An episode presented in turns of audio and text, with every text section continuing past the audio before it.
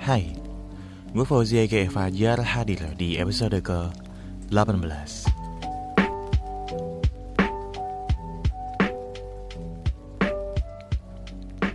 What's up everyone, gimana kabarnya di bulan-bulan akhir 2020 Bulan-bulan akhir di tahun yang kurang enak banget buat kita semua Karena banyak rencana yang gagal, banyak wacana yang tinggal wacana banyak yang ya harus pupus lah harapannya dan lain sebagainya lain sebagainya. Bahkan sampai sekarang nih ini kita masih belum bisa ngapa-ngapain masih belum bisa bergerak bebas.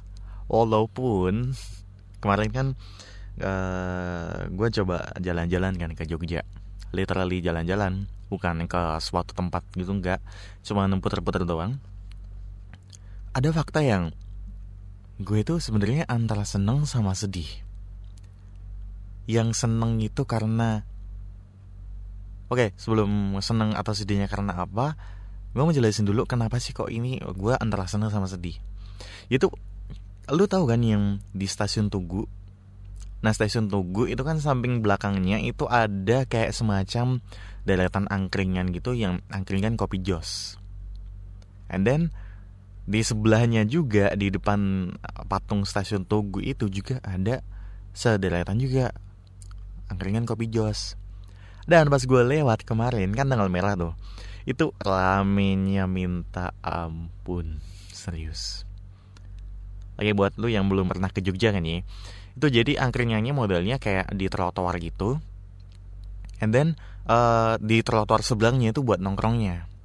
Jadi emang ya dari trotoar itu penuh banget.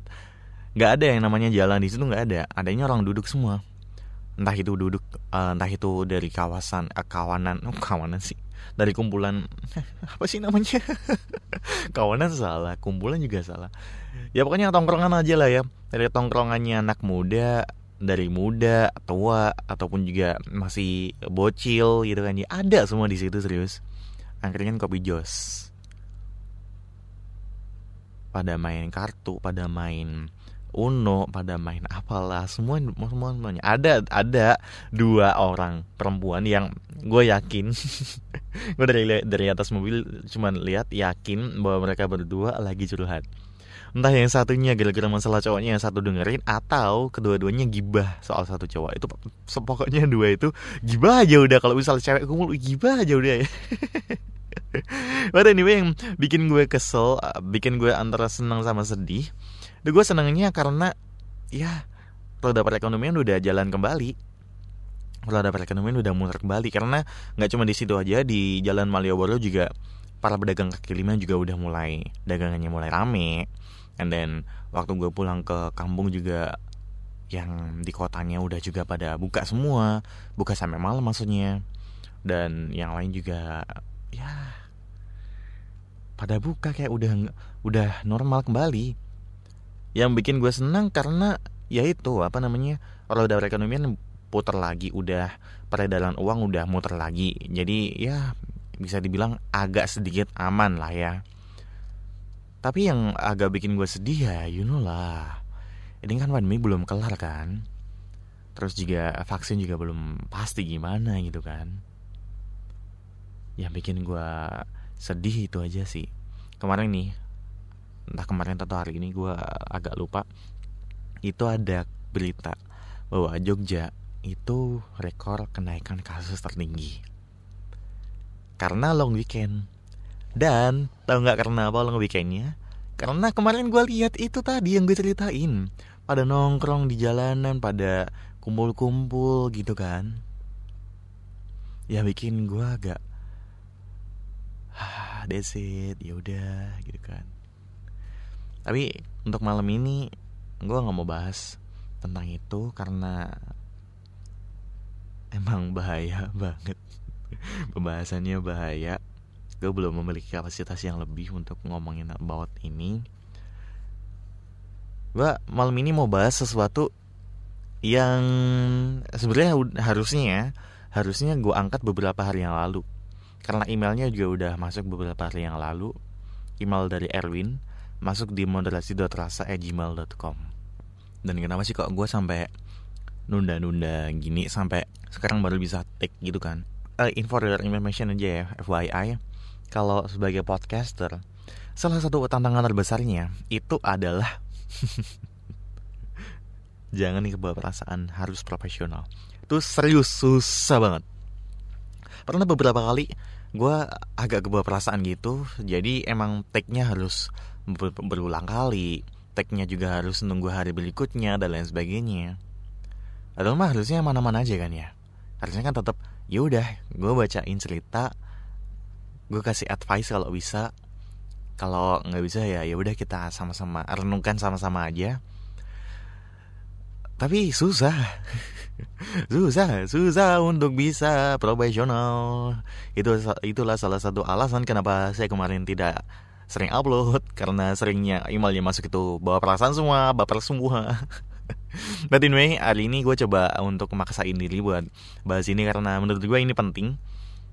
Penting buat uh, kita semua, penting buat kita tahu, penting buat aware lah ya. Karena jujur gue sendiri juga nggak aware about ini. Gue jarang banget aware tentang permasalahan yang mau gue angkat di podcast kali ini. Jadi ceritanya, uh, Erwin ini sebenarnya teman gue.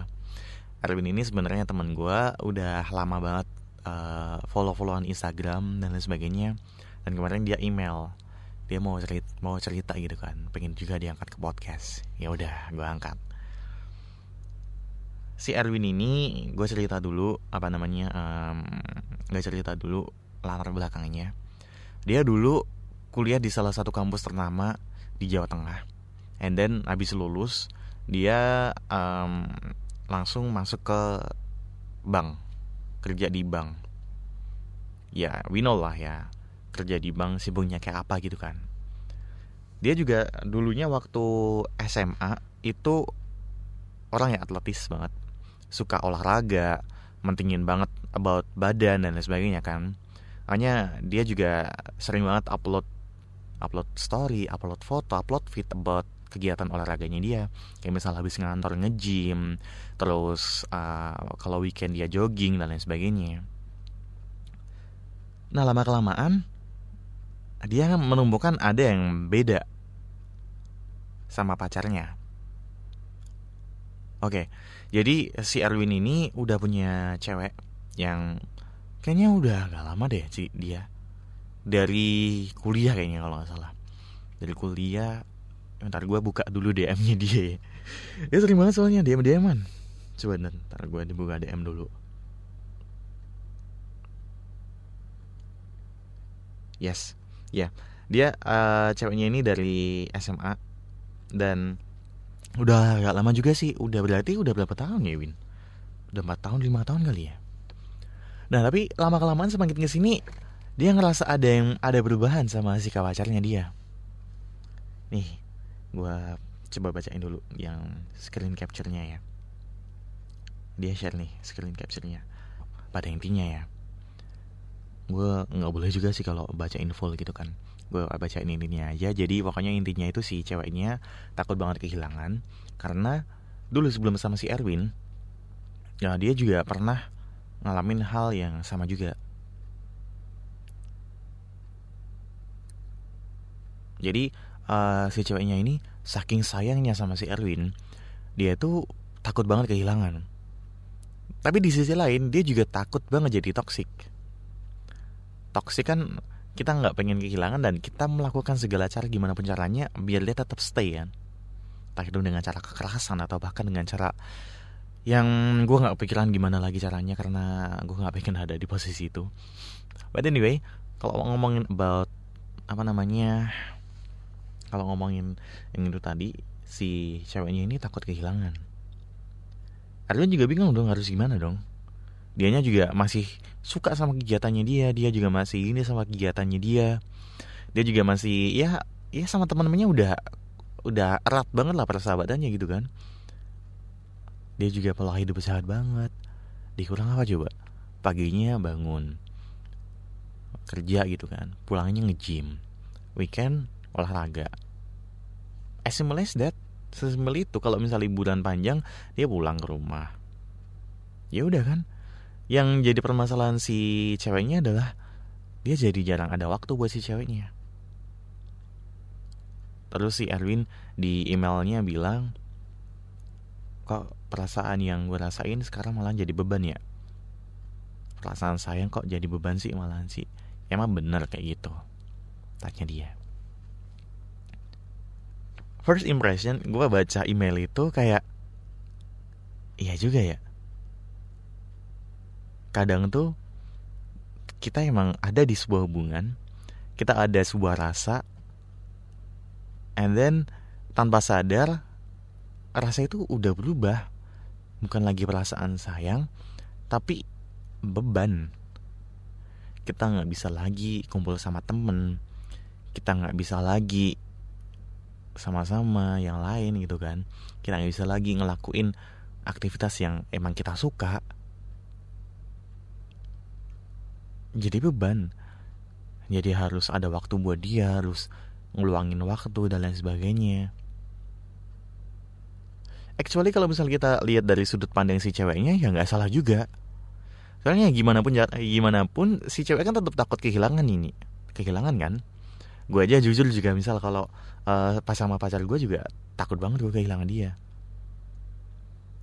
Tapi yang jadi poinnya adalah bisa nggak sih kalau misalkan kita terasa takut kehilangan itu nggak jadi beban. Kayaknya susah banget deh. Kebanyakan kan orang yang takut kehilangan saking takutnya kehilangan dia malah melakukan aktivitas atau melakukan kegiatan atau melakukan hal yang malah membuat hal itu terjadi Contoh, mengekang. Kita saking takut kehilangan orang, kita kan mengekang orang nih. Kamu nggak boleh ketemu sama dia, kamu nggak boleh ke sana kemari, kamu nggak boleh eh, nggak uh, boleh chattingan sama si cowok dan lain sebagainya. Saking takutnya kehilangan.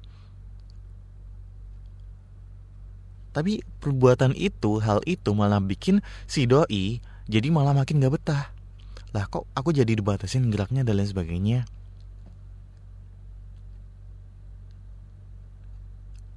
Beban di kedua-duanya jadinya. Ya si ceweknya yang uh, mungkin yang yang ngerasa dikekang itu jadi beban oh ya udah gue harus ngapain dan lain sebagainya. Terus yang si ngekang yang mengekang ini ini juga ada perasaan beban juga. Harus mastiin dia aman harus mastiin dia tetap stay stay aja di sini. Mikir gimana caranya biar dia tetap stay dan lain sebagainya perasaan yang awalnya saling sayang itu berubah menjadi saling memberi beban.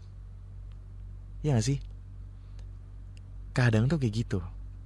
Dan kita jarang banget aware. Jujur, jujur gue sendiri juga baru aware waktu baca emailnya Erwin. Yang dia bilang kalau perasaan sayang yang selama ini ada berubah jadi beban.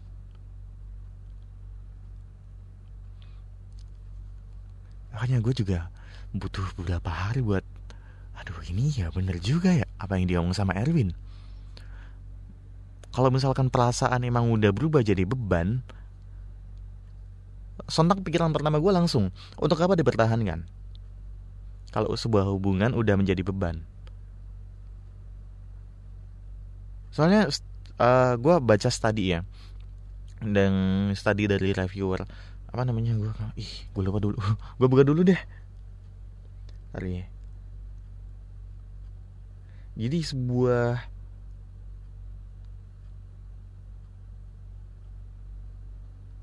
Nah, sebuah review dalam jurnal of obesity, para peneliti menemukan bahwa pasangan yang meningkat berat badannya saat berpacaran biasanya akan berlanjut pada pernikahan.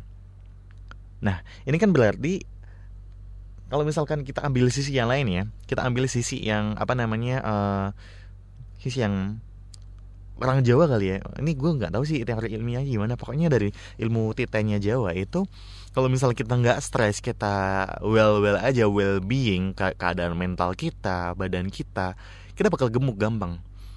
Istilah gampangnya kita subur lah ya.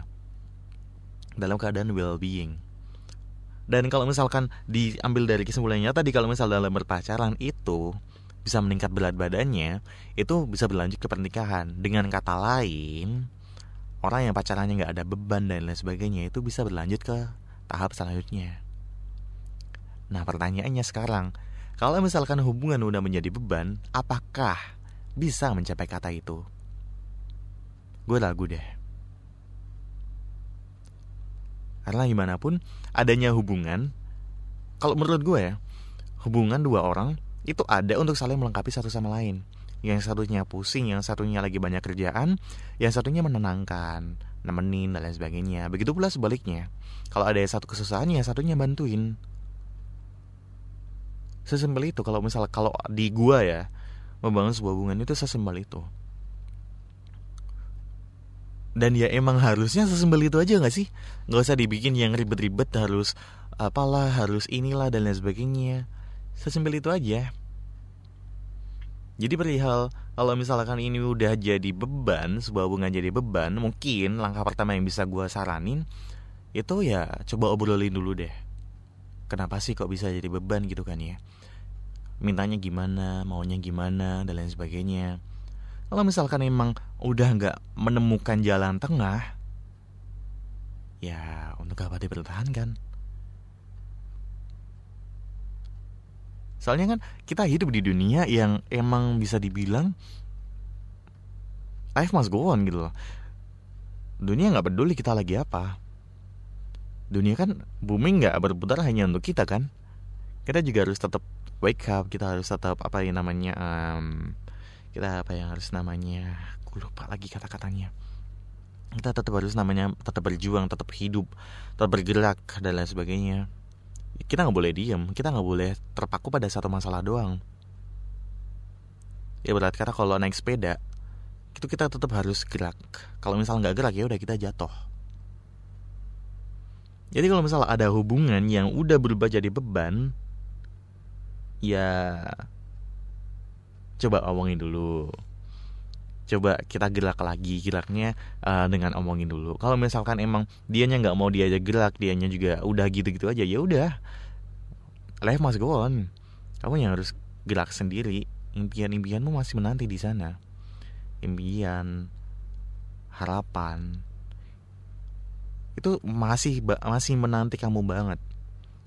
Makanya lu jangan pernah sia-siain kesempatan apalagi di usia lu yang sekarang masih muda jangan terpaku pada satu perasaan jangan hanya terpaku pada satu hubungan yang emang udah jadi beban.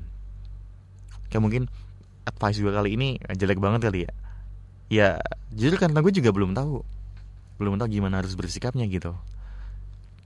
Gue sendiri juga jarang banget ada di posisi kayak gitu. Dan ya alhamdulillahnya dan ya syukurnya uh, cewek gue juga pengertian lah agak dia juga pengertian banget dia nggak minta macam-macam dan lain sebagainya. Jadi pokoknya ya juga berharap jangan sampai lah hubungan jadi beban lah. Dan buat lu semua juga gue doain semoga moga hubungan yang kalian jalani selama ini nggak berubah jadi beban. Perasaan sayang itu akan tetap menjadi sebuah perasaan sayang gitu aja sih. Udah nggak usah ribet-ribet nggak usah nanya inter dia gimana dia dan lain sebagainya yang tidak bengek yang agak kurang penting udahlah nggak usah dipikirin dulu. Kita kan masih masih muda nih happy happy dulu lah ya. Happy happy dalam artian ya ya udah nggak usah mikir yang berat-berat dulu. Yang ya udah sekarang kalau misal uh, kita lagi menjalani sebuah hubungan dengan orang ya udah kita jalanin dulu kalau misalkan ada masalah diomongin. Kalau emang udah nggak cocok ya udah tinggalin. Ini simple as that sebenarnya. Tapi kalau misal gue omongin ini di depan umum gue digampar gue ditabok sumpah. Orang pada bilang nggak semudah itu menjalin sebuah hubungan. Emang nggak mudah untuk uh, bilang lepas gitu emang nggak mudah. Jujur gue sebelum sama yang ini juga gue ngerasa kayak aduh susah banget ini buat lepas ini kan. Tapi gimana lagi harus life must go on kita harus bergerak. Kita tetap harus berusaha yang terbaik. Kita tetap harus apa yang namanya pada intinya kita nggak boleh untuk diam aja. Kalau misalkan ada sebuah hubungan yang uh, membuat kita diam aja ya udah kita harus gerak sendiri. Kita harus keluar dari zona itu. Kita harus keluar dari apa yang namanya hubungan yang berubah menjadi beban Kayak gitu aja untuk podcast kali ini dari badan ntar makin muter-muter nggak jelas. Gue akhir aja sampai sini. Thank you yang udah join sama gue dan kita jumpa lagi di pertemuan selanjutnya. Wih pertemuan banget kan tuh. Oke kita jumpa lagi di next episode. Gitu aja dari gue. Stay healthy, keep happy, Jangan lupa bahagia. See ya.